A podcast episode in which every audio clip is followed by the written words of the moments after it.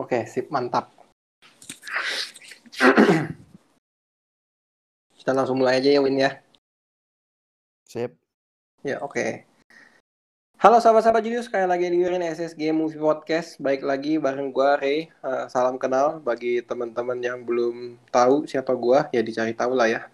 Uh, malam ini gua nggak sendirian, gua mau ngobrol ngobrol-ngobrol ya, bongkar di rumah bareng salah satu teman gue ya yang juga merupakan podcaster di sini. Nggak di sini juga sih di seberang sana sudah ada teman gue Edwin dari Ed Seperdua Manusia ya yang konten-kontennya tuh sangat menarik tentunya. Boleh silakan uh, memperkenalkan diri secara singkat Edwin atau disapa dulu pendengarnya. Halo semua pendengar SSG sorry notes yeah. dulu ya. Uh, konten gue tuh bukan menarik. Tapi apa tapi tiada apa apa, apa? Sorry, sorry, apa? Tapi tiada duanya. Tapi tiada duanya. Hmm, luar biasa sekali. Ya, ya benar-benar nggak ada duanya. Jadi uh, segala-segala tuh dicoba di sana udah cerita cinta tentang temennya gitu ya, karena dia nggak mau ceritain tentang cintanya sendiri. Terus ada uh, segmen yang baru-baru ini lu lagi coba kemas apa? Uh, horor ya? Iyo, sok-sok mau horor. Oh, sok-sok mau horor. Dengerin ya guys. Uh, Jadi itu emang horor tapi ya sedikit lucu-lucu aja. Uh, dan di sana guest speakernya lebih dari satu orang udah ya? Baru satu sih, harusnya hari ini Selasa gue ada record lagi. Oh ada take lagi. Kapan iya. tayang? Ya. Dalam waktu dekat berarti ya? Iya. Oke deh, sip sip. Uh, bagi teman-teman yang penasaran, boleh dicek ya. Nanti di Spotify gua, bukan Spotify gua sih, di Anchor gua, deskripsinya gua tulisin uh, IG-nya si Seperdua Manusia biar kalian bisa langsung cek dan follow. Oke, okay? mantap ya. Thank you. Uh, di BDR kali ini gue mau bahas sesuatu uh, film yang belakangan ini tuh bukan belakangan ya, baru-baru ini tuh menyita perhatian kita semua gitu. Dan kenapa gue ngundang tamu gue yang spesial ini Seperdua Manusia karena film ini tuh juga mengandung kata setengah. di dalam judulnya yaitu The Half of It. Nah, film ini tuh merupakan film eksklusif Netflix, ya kan ya? Kayaknya di tempat yes, lain nggak ada dia. Betul, betul. Eksklusif Dan Netflix. kalau di catatan gue ya, aduh catatan, padahal gue mau nyontek komputer. Minta di, Google. Iya, di catatan gue sih tayangnya 1 Mei. Cuman kalau di Indonesia tuh kayaknya Jumat kemarin ya baru uh, aksesnya bisa dibuka gitu. Ya oke Jumat kemarin sih kayak agak sore kalau di kita ya jam Iya iya, Jumat agak sorean. Ya udahlah, uh, ini jelek sekali ya transisinya. Gimana Win? Uh, lu udah nonton The Half of It? Kalau misalkan ditanya secara garis besar ceritanya itu tentang apa sih atau genrenya dan lain sebagainya boleh boleh silakan silakan. Jadi sebenarnya gua kan de eh, dengar film ini pun juga dari lu sebenarnya awalnya kan. Eh, kita review film Half of It dong. Gue gua ya. cari-cari nih, film apa nih? Kok gue kayak kudet gitu loh, kagak tahu kan gitu kan.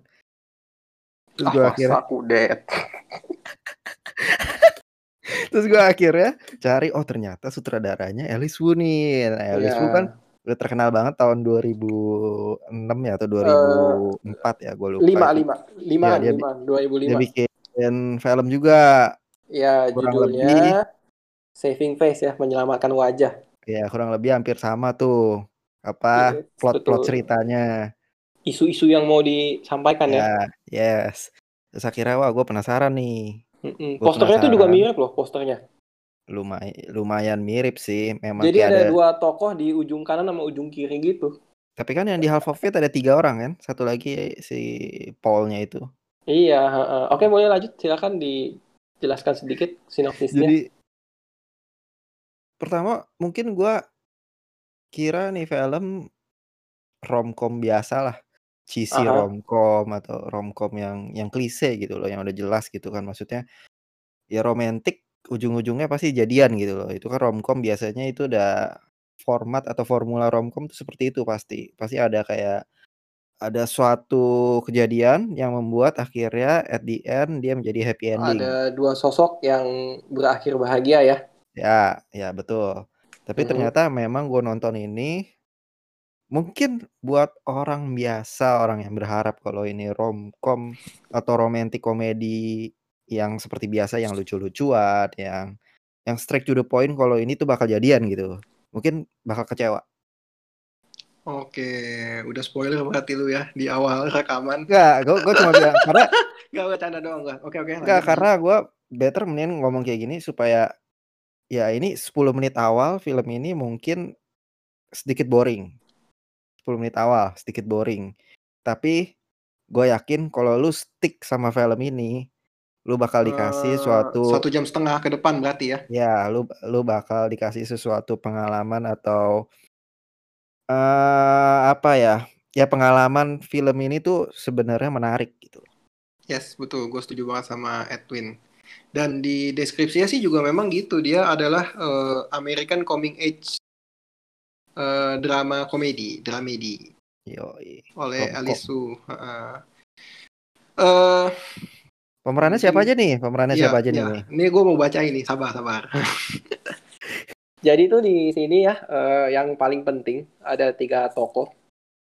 Eh, tokoh yang pertama namanya Ellie Chu, diperankan oleh Leah Lewis. Dia merupakan seorang gadis yang sangat pintar dan jenius ya. Eh, terlahir di keluarga yang kurang cukup beruntung di dalam film gitu. Jadi dia harus kerja keras dan eh, kerja ekstra.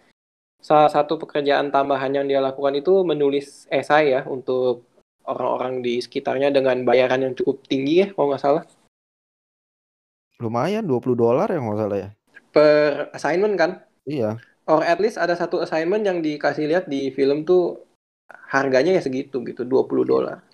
Dengan kurs rupiah sekarang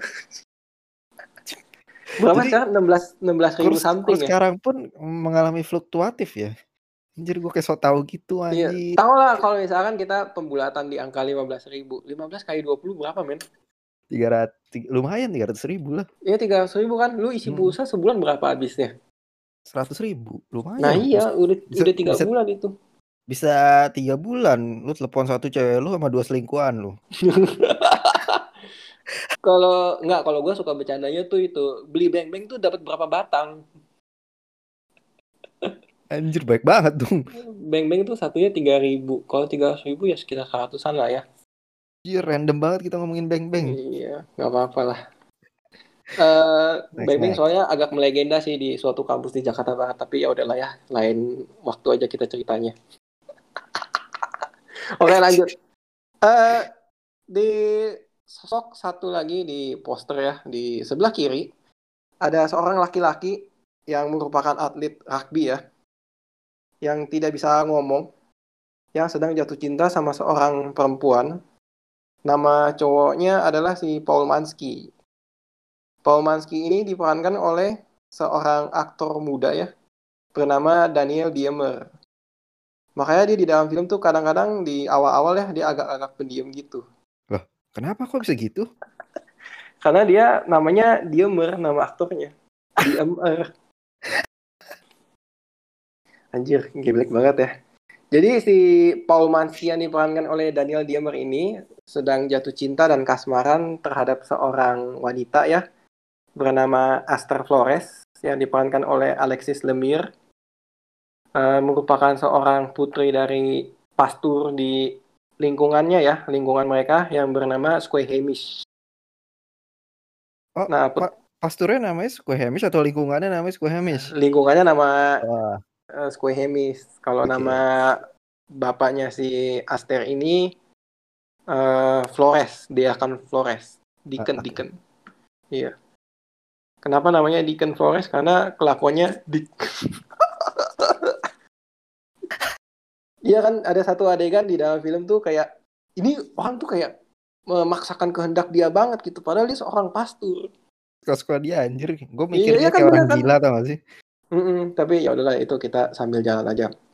Nah, jadi kayak si Edwin bilang tadi di permukaan podcast ini ya, bahwa si Eli Chu ini berteman dengan Paul Mansky ya untuk bantuin dia bikin surat cinta yang mau dikirimkan ke si Aster Flores dengan suatu twist atau rahasia bahwa si Eli Chu ini suka juga dengan si Esther Flores gitu. Wow, so Wah. spicy banget ya filmnya. Tapi sorry Hmm. gua melenceng nih. Kenapa Eli Chu diejeknya Chu Chu? Karena itu kan kayak bunyi itu kereta, Ah iya iya. cucu gitu, Oh iya cucu. iya iya, iya. gue baru Karena paham, dia baru kan, paham. oh ki- kita lupa bilang tadi Win di awal tuh selain dia bikin job menulis, dia juga bantuin bapaknya jadi ini ya penjaga apa? Penjaga pintu kereta, pintu oh, Penjaga palang pintu kereta ya. ya palang kereta. Nah nama bapaknya si Eli Chu ini boleh silakan disebut Edwin. Edwin Chu. Wah ternyata anda yang bermain di sana ya. Klik klik klik. Oke lanjut. Eh, si Edwin Chu ini diperankan oleh Colin Chow. Colin Chow. Dia cukup Oke. terkenal ya. Sebenarnya Colin Chow ini kan emang Beberapa film tuh kalau nggak salah dia yang di ini bukan sih eh, apa Lara Croft ya?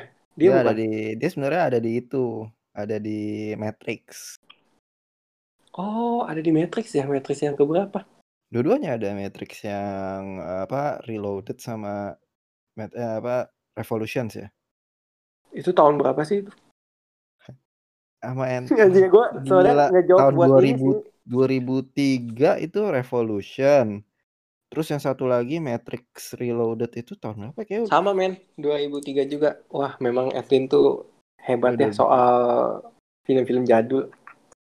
anjing ketahuan tua anjing gua. Gak, gak, gak, canda doang gua. Iya, iya betul, betul. karakternya tuh bengis tau gak sih yang si siapa mukanya si Colin Chow itu dari dulu karakternya bengis makanya jadi penjahat di film itu loh The Forbidden Kingdom Iya, iya. Jet Warlord-nya kan yang mau cari Ya, ramuan eh, awet ya. muda. hmm. Ya, gue juga tahu tuh itu suka gua Jackie Chan sama Jet Li. Hmm. Oke, lanjut. Balik Lanjut, lagi ke film si The Half of It ini. Hmm. eh jadi gimana nih? Eh, lu kalau nonton film ini tuh taste pertama lu atau tanggapan pertama lu selain yang tadi gue eh, selain yang lu tadi jelasin ke gua di awal tuh apa? Apa yang menurut lu menjadi daya tarik dari film ini yang gak boleh dilewatin oleh para pendengar podcast SSG? sebenarnya ini adalah satu hal yang menarik ya kita sebenarnya selalu ngelihat orang wah dia pemain football dia pemain olahraga biasanya kan wah dia gampang banget dapetin cewek gitu loh Stereotyping bahwa seorang jok atau seorang atlet eh, Yes. harusnya punya kepercayaan diri untuk memenangkan hati wanita Hmm. gitu ya. Oke, terus. Ya, itu sebenarnya menarik, tapi kita dikasih lihat di sini ternyata mereka juga manusia yang ya mungkin ada kekurangan yang nggak bisa ngomong sama cewek gitu loh. Hmm, I see, I see, I see. Ha, ha.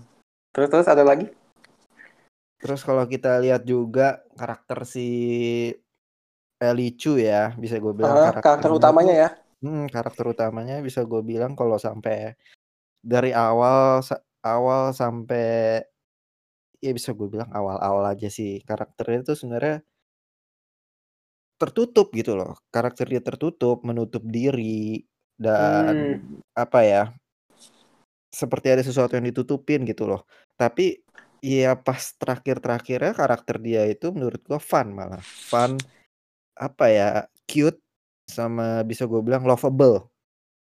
Oh, I see, I see. Lovable di mata penontonnya atau di lingkungan Mata penonton ceritanya? lah, mata penonton. Oh, mata penonton. Oke, oke. Kalau dari gue ya yang gue suka dari film ini, karena gue memang pecinta visual dan intrik-intrik bumbu-bumbu perfilman sinematografi segala macem. Hmm. Gue suka tuh beberapa adegan ya. Mereka tuh merancang ada quote-nya dulu di awal nih, hitam layarnya, ada quote-nya siapa, ditulis tuh, tuh, tuh, tuh. Terus pas filmnya jalan tuh gue kayak merasa, oh ini harusnya ada hubungan sama si quote-nya sih gitu. Walaupun kayaknya otak gue belum nyampe sampai situ gitu. Mungkin gue mesti Tiga nonton ya? lagi. Kayak ada kayak ada tiga tiga itu ya tiga quote kayaknya tiga yang Iya, nih. bener nggak atau dua Nah, dan dari quote itu tuh gue ngeliat kayaknya ini tuh menyetir ininya sih, babak-babak filmnya gitu. Ya nggak sih? benar kalau ngomong sinematografinya pun sebenarnya asik sih tone colornya yang Iya. menunjukkan kota kecil gitu loh kota kecil Kota kecil yang somehow gak punya tenaga dan yang gak terlalu menarik-menarik banget di mata Iya. orang-orang yang karir oriented atau eh, yes visual yang menyenangkan gitu lah ya. betul terus Ada sebenarnya ada satu satu apa namanya, satu scene di mana gua suka banget di sini sinematografinya sih. Yang mana kalau boleh lu jelasin? Kasih gambaran aja gitu, tapi jangan spoiler. Oke. Ini di saat ada sparkling-sparkling lah.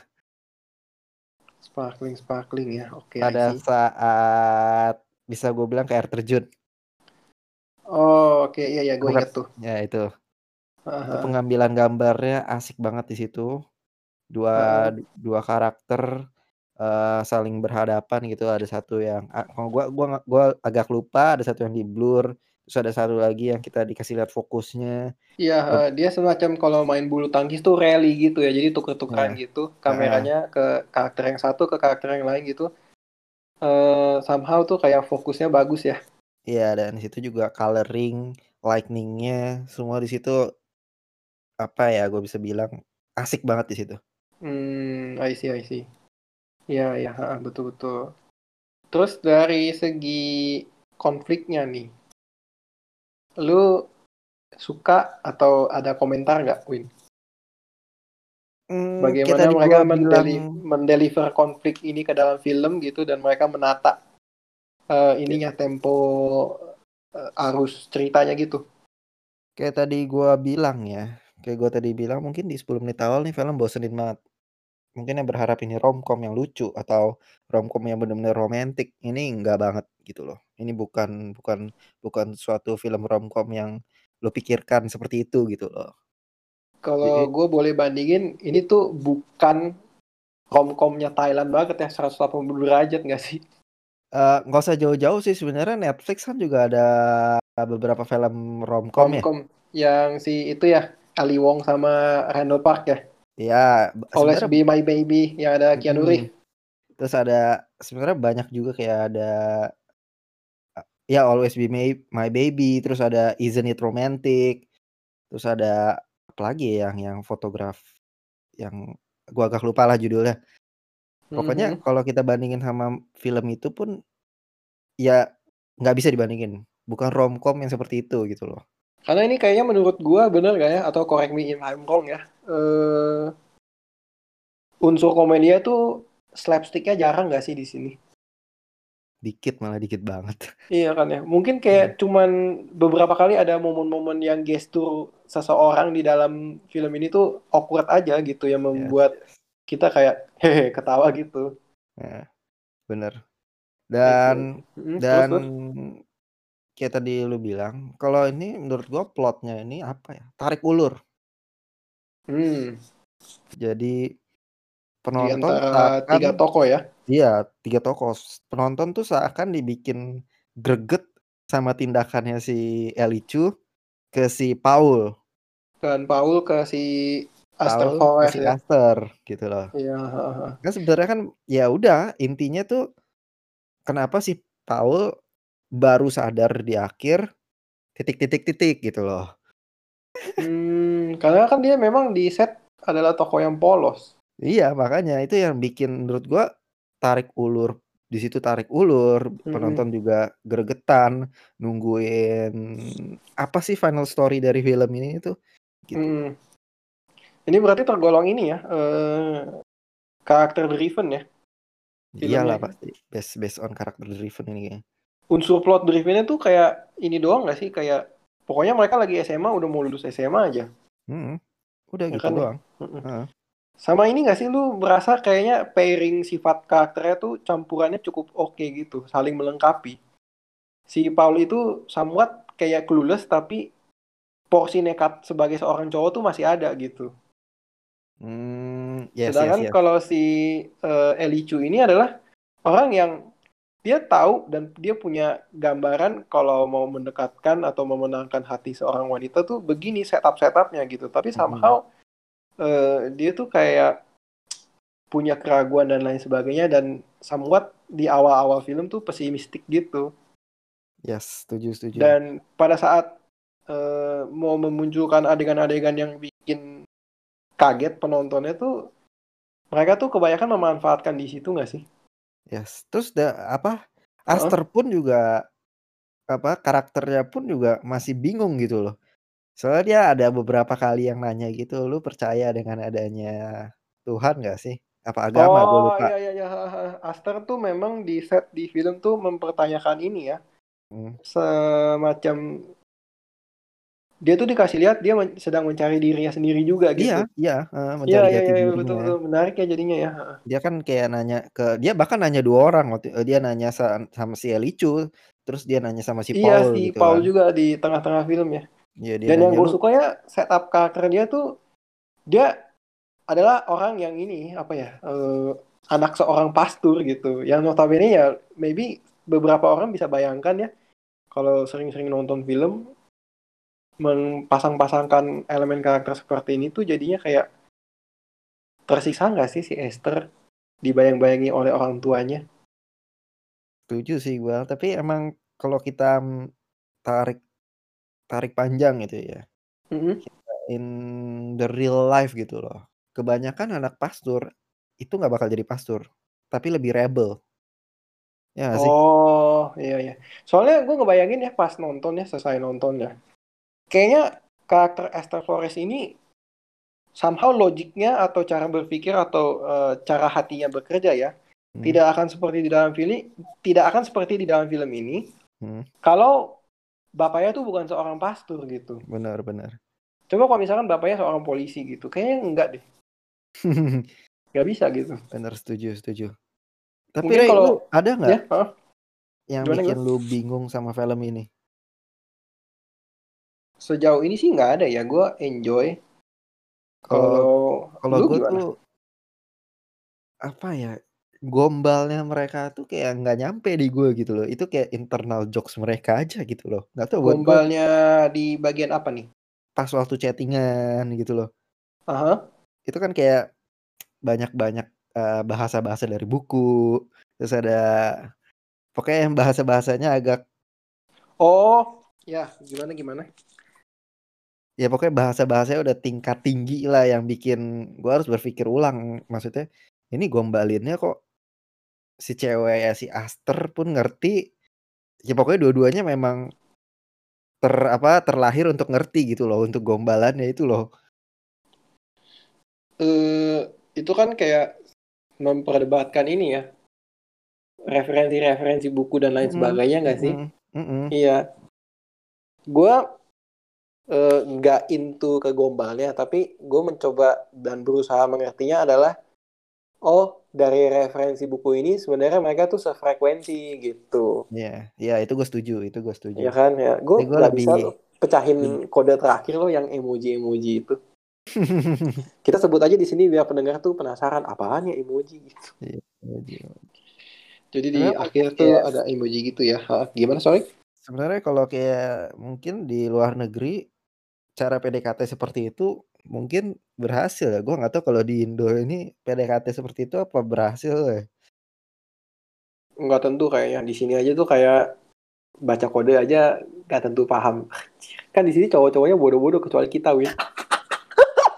By the way, itu bercanda doang ya teman-teman ya. Entar pada unfollow SSG Movie Podcast. Apaan nih bajingan, bajingan, bajingan. Jangan Nge didengerin. nggak, itu pasti unfollow gua semua seperti manusia udah dia unfollow udah. Eh, tadi sampai mana tadi? Eh, gue ngelihatnya gini sih, bahwa ada di tengah cerita si Aster punya kecurigaan dan lain sebagainya dan dia menghubung-hubungkan dengan cara berkomunikasinya, gue sedikit yakin bahwa yang ditampilkan di dalam film itu mungkin sudah menjadi tren atau lifestyle mereka dalam PDKT sih. Lu setuju nggak? Yes, setuju. Makanya Karena gua bilang kan, kayak. PDKT mereka seperti itu gitu loh. Sehingga kan ketika tidak terjadi yang seperti itu, si orang yang lagi dideketin ini bisa jadi curigaan kan? Iya iya. Iya sih. Tingkat tinggi banget lagi bahasanya. Udah tahu si kan cowok agak-agak gimana gitu kan, bisa gua bilang agak tolol gitu kan. agak-agak stupid gitu ya, clueless. Sama apalagi yang seru ya? Oh, gue seru eh, suka ini sih, Win. Eh, lu setuju nggak bahwa mereka tuh kayak punya semacam ini ya, metafor eh terkait dengan makanan dan minuman sih. Setuju nggak? Oh, taco. Ya taco, eh, sosis taco dan Yakult. Hmm. Ya, gue ya. ngelihatnya mereka tuh menggunakannya tuh semacam alat ukur kapan si tokoh utama kita nih si Ellie ini uh, menjadi karakter yang sudah terdevelop. Setuju nggak lu? Levelnya tuh di situ. Jadi ketika di dia denial gitu. Tapi somehow setelah ya dia mencicipi itu and the rest is history sih di dalam filmnya gitu kayak oh ini karakternya udah berubah dan lain sebagainya. Yes, setuju gua. Ya kan ya. Nah, akhirnya dia menerima keadaan si cowok itu kan, si Paul Iya. gitu. Mm-mm, Paul Mansky. Tapi yang lucu ya, Aha. ya Yakult itu loh. Ya Saya kenapa dia gimana? bilang, dia bilang, hah? Lu ternyata minum Yakult juga? Apa apa apa Yakult itu teridentik dengan orang Asia doang atau gimana? Gue kurang paham juga maksudnya kan. Juga. Karena menurut gue mungkin kan itu eh, kita bisa lihatnya bungkus Yakultnya tuh kayaknya sama dengan bungkus Yakult yang ada di Indonesia nggak sih? Iya, iya sama-sama. Yang notabene itu punya kebanggaan. Oh ini buatan Asia yang mendunia nih gitu. Eh, eh, Gue merasakan kadang-kadang orang-orang Barat tuh kayak ah, masih ada lah ya beberapa, nggak semua. Yang apaan sih ini produk Barat gitu. iya. Sebenarnya Yakult itu yang yogurt kan. Yakult itu yogurt. Bener gak ya? Gue takut dimarahin nih sama ini apa? Gerakan pembela Yakult Indonesia. Nggak tahu gue. Tapi benar atau bukan sih? Saya gua gua gua pikir Yakult itu yogurt gitu loh. Kita googling aja coba is Yakult a yogurt. Tapi penasaran juga. Yakult setahu gue probiotik bukan yogurt. Oh, anjir, langsung muncul di Google pertanyaan gue. Iya kan? Iya itu kan yogurt. Yakult is a probiotic yogurt. probiotic fermented milk drink. Iya, Yakult is a probiotic yogurt drink that contains 50 calories and 11 grams of sugar. Oh, berarti tergolong yogurt. Mm-mm. Yogurt a drink made by Japanese company of the same name. Yang dulu minum sehari dua, sekarang cintai ususmu tagline-nya. Berarti bisa gua tarik kesimpulan dari film The Half Hah? of It. Yakult itu bukan minuman untuk orang barat. Eh, bukan bagian dari lifestyle orang barat. Ya. Yes. Kayaknya sih ya. Nah, soalnya kan pertanyaannya kayak gitu kan. Hah, lu ternyata minum Yakult juga gitu. Iya, iya. Aneh gitu kan. betul, betul. Mantap lah. Ada lagi yang lu suka nggak dari film ini selain yang udah lu sebutin? Karena kita udah berpanjang lebar, ya kita bahas di endingnya sih. Endingnya yang bikin gua Oke. eh, penasaran, Aha. kesel, Ya, sama greget. terlalu cepat. Terlalu cepat. Ya, sosok lah. Tapi lebih ke penasaran gitu loh. Karena Mhm. at the end dia ada kayak dua pilihan gitu loh. Sebenarnya pilihan pertama dan pilihan kedua. Pilihan pertamanya eh spoiler nggak sih? Eh, nggak usah spoiler dulu nggak apa-apa sih, santai Ya lah. udah. Pilihan pertamanya si ya pilihan pertama antara pilihan pertama dan pilihan kedua. Pilihan pertama lebih menunjukkan eh, positif, maksudnya positif kayak dua-duanya udah positif gitu. Pilihan kedua pun itu ambigu gitu loh. Satu positif, satu lagi masih kayak menangis gitu loh. Oh, kalau gue malah berpikirnya ya di endingnya itu somehow mereka agree dulu untuk di level platonic, platonic friendship. Hmm. Gue gue tetap mau akrab sama lu gitu.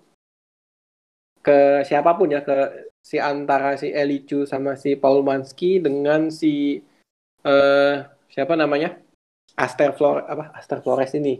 Aster Flores. Tapi yang Iya. Yang bikin gua ngomong yang terakhir ambigu itu, itu karena film yang dia tonton waktu itu sama Paul. Yang waktu itu yang yang film India itu, yang dikejar di kereta itu, Mhm. yang kan dia bilang eh, cuma cuma cuma cowok moron yang yang ngejar ngejar cewek di kereta gitu kan. Ya, terus Eh, at the end si cowok ngejar terus si cewek Hmm. you moron gitu kan sambil dia nangis tapi senyum juga gitu loh. Heeh, jadi yang membuat lu penasaran itu karena ini apakah si cowoknya suka juga sama si cewek atau enggak gitu? Eee, si cewek suka sama si cowok juga atau enggak gitu loh. Oh, ya kalau gue bilang tadi platonik men. Tapi ini menurut gua pinter gitu loh.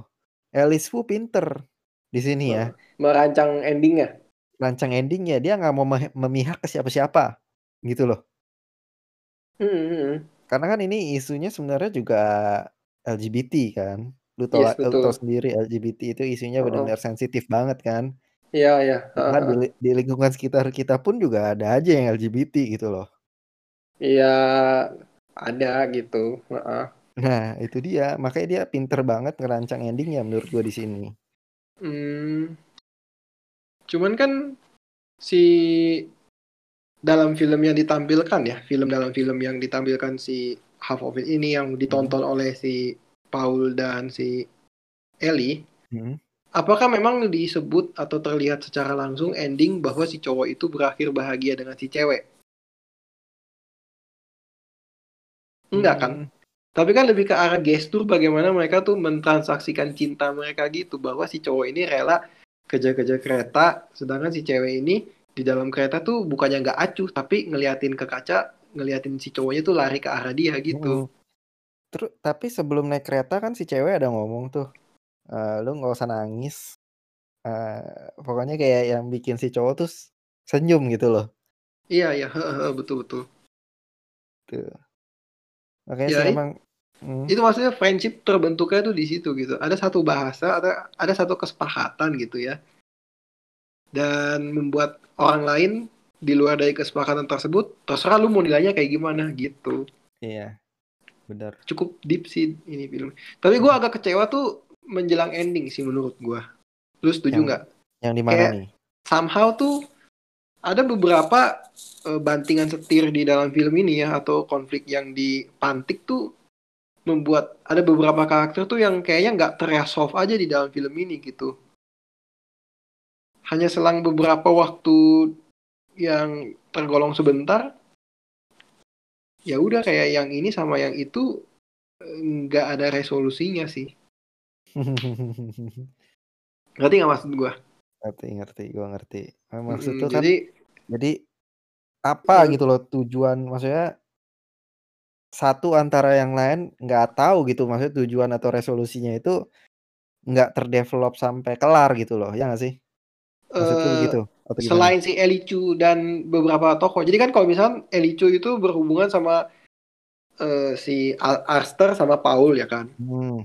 Tapi ketika Paul dengan Aster atau Aster dengan si eee, cowok lain namanya Trick itu ada di dalam film. Belum lagi juga bully pembulinya si Ellie Chu tuh somehow di situ tuh kayak ya udah digantungin aja gitu. Maksud Hmm, gue ya. gitu sih. Ya, setuju setuju setuju. Nah, si. Trick itu kan maksudnya ya udah di gereja, ah, kayak udah Ah, bengong gitu aja gitu. Iya. Setidaknya kasih gambaran eee, lebih detail aja sih dalam conversation atau jangan-jangan mungkin gue yang kelewat kali ya. Enggak, emang nggak ada. Maksudnya paling at least dikasih semenit, 2 menit si Iya iya, Aster maksudnya ngejelasin ke si cowok gimana gitu kan. Terus atau si Aster ternyata jadi nikah sama si Trick Trick. sa Trick atau enggak gitu, itu kan nggak ada Mhm. kan ya. Iya iya, Eh, I see I see. ya gua ngerti gua ngerti. Seru banget ya, ini udah berapa nih durasinya nih? Hampir sih setengah ini jam. ini film emang bisa dibilang kontroversi sih. Emang film Alice Wu kan yang pertama itu yang yang apa, Face apa gue jadi lupa lagi. Itu menyelamatkan wajah. Iya, Saving Saving Face. Face. Ya itu kan Iya. juga LGBT juga kan. Iya, Dan betul. ternyata bisa kita lihat dalam 10 tahun dia menghilang ternyata ya 15. seharus iya 15 tahun dia menghilang dari Jahat banget ya gue koreksinya. Ya nggak apa-apa anjir. Gue apa-apa sebut gue tua aja udah nggak Bukan apa-apa. maksudnya eh, kan lu bilang 10, gue koreksinya 15. Gue tuh nggak Eh. mau jadi anak-anak eh, penikmat film yang suka salty gitu ngebenerin orang lain. Jangan jangan itu itu internal jokes jangan. Iya oke lanjut. Eh, eh, gimana gimana sorry sorry. Nah, maksud dia gua dalam waktu eh, ya dalam sekitar waktu 10 sampai 15 tahun. 15 tahun itu ternyata si Alice Wu si Alice Wu itu sebenarnya memang cocok untuk menjadi seorang sutradara yang sebenarnya filmnya itu bisa diangkat ke layar lebar gitu loh. Ternyata ya kualitasnya tuh hebat gitu. Iya. Iya sih. Kualitasnya Seru-seru. ternyata hebat gitu loh. Bahkan Heeh. di meskipun, eee, apa, saving face itu lumayan kehidupan, apa ya, kehidupan seorang Asia lah ya, bisa dibilang kayak gitu kan. Iya iya, heeh heeh. Kehidupan seorang Asia yang di mana menentang Eee, banget lah. Chinese American Surgeon. Iya, bener. Saya sebenarnya di bahkan nilai juga nggak terlalu bagus, tapi ceritanya sama the final story sama inti dari ceritanya tuh dapet, sama kayak di Half of It itu juga. Mmm, I see I see. Kalau misalkan punya gue punya 2 pertanyaan terakhir nih sebelum gua, eee, lanjut ke sesi akhir, asik. Pertanyaan yang pertama ya, lu lebih prefer film Alice Wu yang The Half of It atau lu lebih prefer Saving Face? Mmm. Mmm, Half of It gue lebih Half of It sih, karena heeh, kenapa tuh? karena dia nggak hanya cuma kalau di Saving Face kan lebih terfokus sama 2 orang perempuan lah ya. Tapi Yes. kalau di Half of It ini masih ada penengahnya gitu, seorang pria gitu loh. Oke, jadi unsur, eee, friendship-nya di sini lebih terjadi ya berarti ya? Iya, ada penengahnya lah bisa gue bilang kayak gitu. I see I see. Oke, setuju sih, gue juga sama sih. Di sini tuh gue ngerasanya kalau misalkan anak remaja sih lebih ngegebesin ya, gue nontonnya. Ya makanya gue bilang. Alice Chu itu lovable sih di di ending-nya itu lovable dia jadinya. Meskipun di Mhm mhm. depannya itu agak boring and tertutup dia. Iya sih, setuju setuju. Itu gue ada ini nih, eee, pertanyaan kedua ya. Lu mengharapkan film The Half of It ini punya sequel atau enggak? Mmm, enggak enggak. Udah gini Enggak. aja udah. Gini aja ya? Ya bikin orang penasaran aja udah. Biarin aja orang punya penasaran ya? Iya, Biar sama, ada juga teori teorinya masing-masing lah. Iya iya. Oke, sekarang kita ke sesi akhir. Lu ada nggak quote yang lu paling seneng dari film ini yang mungkin bisa membuat penonton atau calon penonton ya dari pendengarnya SSG itu penasaran? Wah, ini ngebahasnya quote nih, lu tau gue paling lemah quote. Wah. Nggak nggak, eee, nggak Gue juga gue juga lagi mikir. Gue Nggak juga lagi quote persis ya, tapi ada Oh, iya. yang menurut lu tuh memorable banget sepanjang film gitu. Ini gue ada satu quote yang sebenarnya agak apa namanya, agak tepat gitu nembak gitu. Love is it's not finding your perfect half gitu loh. Oke. Ya itu. Iya, heeh heeh. Iya kenapa maksudnya? Sorry sorry, gue harusnya gali lagi ya pertanyaannya. Oke, eee, yang membuat lu suka tuh kenapa di adegan ini? Kenapa gue suka sama sebenarnya kan kalau gue gue habis Google juga nih, gue baru Google kalimat lengkapnya. Oke. Eee, jadi dia baka dia ngomong, "You know what it's like to finally meet someone your age who gets you. Love Mmm. is not finding your perfect half. It's trying and reaching and failing." Eh, falling falling, sorry, and falling. Jadi, ya lu nggak akan menurut gue lu nggak akan bisa ketemu seseorang yang ibaratnya kalau bola dibelah 2 itu bakal nyatu, itu nggak bakal ada, gitu loh. I see I see, Yang namanya love itu memang ada juga satu quote yang dia bilang love itu messy gitu kan. Love itu Iya, messy. heeh heeh. Ya memang love itu ya sesuatu yang berantakan, ya yang Mhm. mempertemukan 2 orang yang berantakan, itu jadi Mhm satu dan di mana lu pasti bakal melakukan namanya, eee, yang tadi gue bilang trying. Caranya untuk dapetin si cewek itu atau i siapa pun yang lu suka, gimana caranya lu how to dapetin itu cewek, reach reaching bisa gue bilang reaching di sini dan dan falling di mana lu pa pada suatu saat lu bakal jatuh juga karena perasaan cinta itu gitu loh. Mmm, I see I see I see. Menarik menarik. Nah kalau lu? Lu kan emang the master of quote nih. Ais. Kayaknya Gue suka bagaimana mereka memetaforkannya. Jadi gini teman ya. Ada satu di dalam film ini uh, metafora ya. Hmm. Seorang artis tuh punya filosofi kalau mau menciptakan gambar yang bagus ya. Hmm. Itu sabetan kuasnya tuh sebanyak lima kali doang. Oke. Okay. Jadi dari situ ya lima kali cet cet cet cet gitu. Nanti seninya akan jalan sendiri gitu. Tapi somehow mereka menghubung-hubungannya cinta tuh kayak bikin lukisan bagus ini gitu. Kadang punya resiko tuh sama orang lain tuh diacak-acak gitu. Dan yeah. orang yang menikmati lukisan itu kan nggak melulu harus orang dari itu ya. Yang barangkali orang luar tersebut yang ngacak-ngacak lukisan itu. Jadi kayak misalkan di ya udah dibuang ke atau dicat ulang gitu tapi kan prosesnya betul, betul. ya kan ya iya betul. itu sih yang gue suka sih metafornya eh tapi lu hmm? sorry gue balik lagi tapi lu kadang mikir gak sih maksudnya si Paul udah dapetin Aster tapi kenapa dia kayak tolol banget buat cium si Elicu oh padahal dia, dia, udah, dia udah dapet loh dia udah dapet si Aster si Aster juga kelihatannya udah udah suka ya kelihatannya ya mm-hmm. kenapa uh Oke oke, selesai dulu pertanyaannya. Kenapa? Kenapa dilepasin gitu aja gitu loh. Sebenarnya kalau kalau gue jadi si Paul ya udah. Gue udah thank you banget sih sama si Elicu dan gue bakal ngedevelop diri gue untuk untuk apa namanya untuk bisa menyamakan levelnya si Aster gitu loh.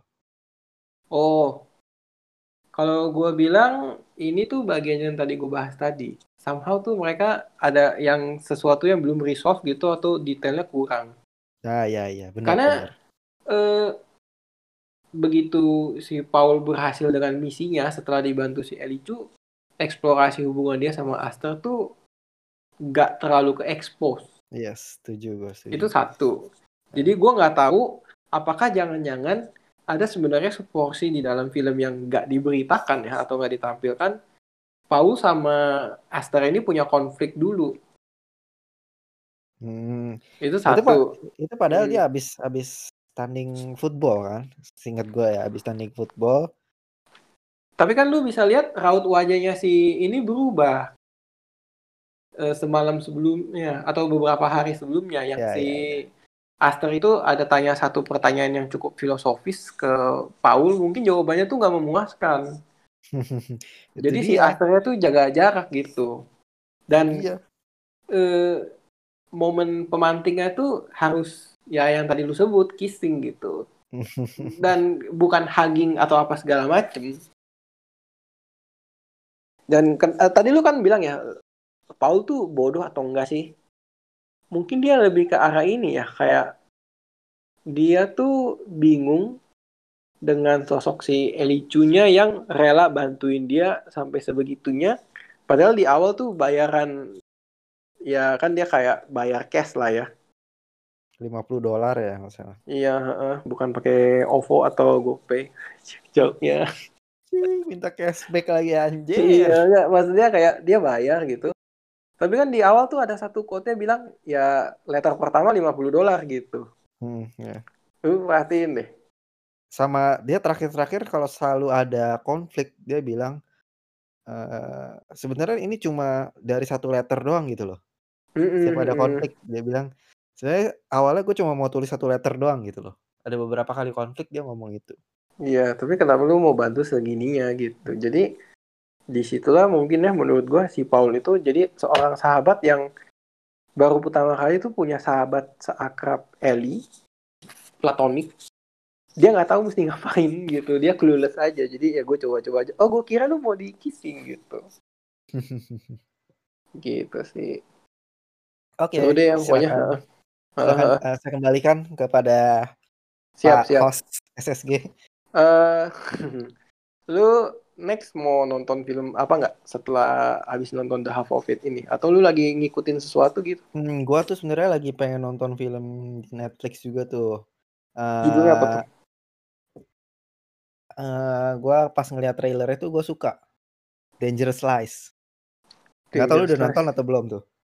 Angel Slice itu apa ya? Gue belum googling lagi sih. Gue lagi agak sibuk sih. So, siap, siap siap siap siap siap siap siap. apa apa Dangerous Slice ini kalau boleh tahu uh, pemainnya siapa, sutradaranya?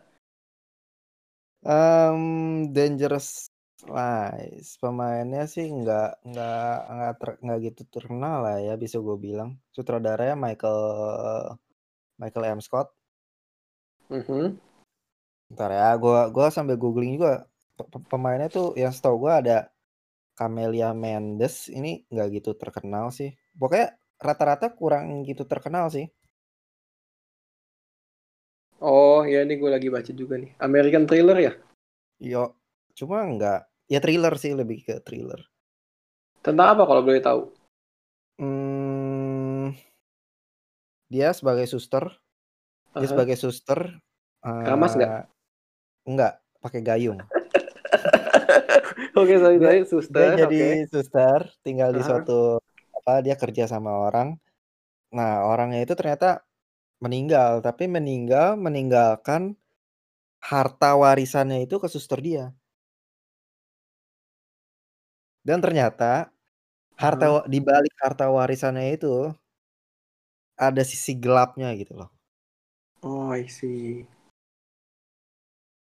Oke oke ini udah tayang nih di di Indonesia Netflix Indonesia masuk Masuk, masuk, masuk. Oh, Oke Penasaran aja sih, gue cuma penasaran doang. Yang pasti sih gue tahu sih harusnya nggak bagus ya. Tapi penasaran aja. Kalau lu googling ngelihat ininya ya rating-rating website-website penilai film gitu ya Eh ya lumayan buat nggak jadi acuan sih, tapi maksudnya eh oh ini film segini ya maksudnya gue nggak terlalu berekspek terlalu tinggi gitu loh. Jadi Oh gue tetap nikmat nontonnya gitu loh. iyalah namanya nonton film jangan terlalu expect tinggi-tinggi lah Mm-mm. nanti Tuh. kalau nggak sesuai ekspektasi jatuh sakit Iya.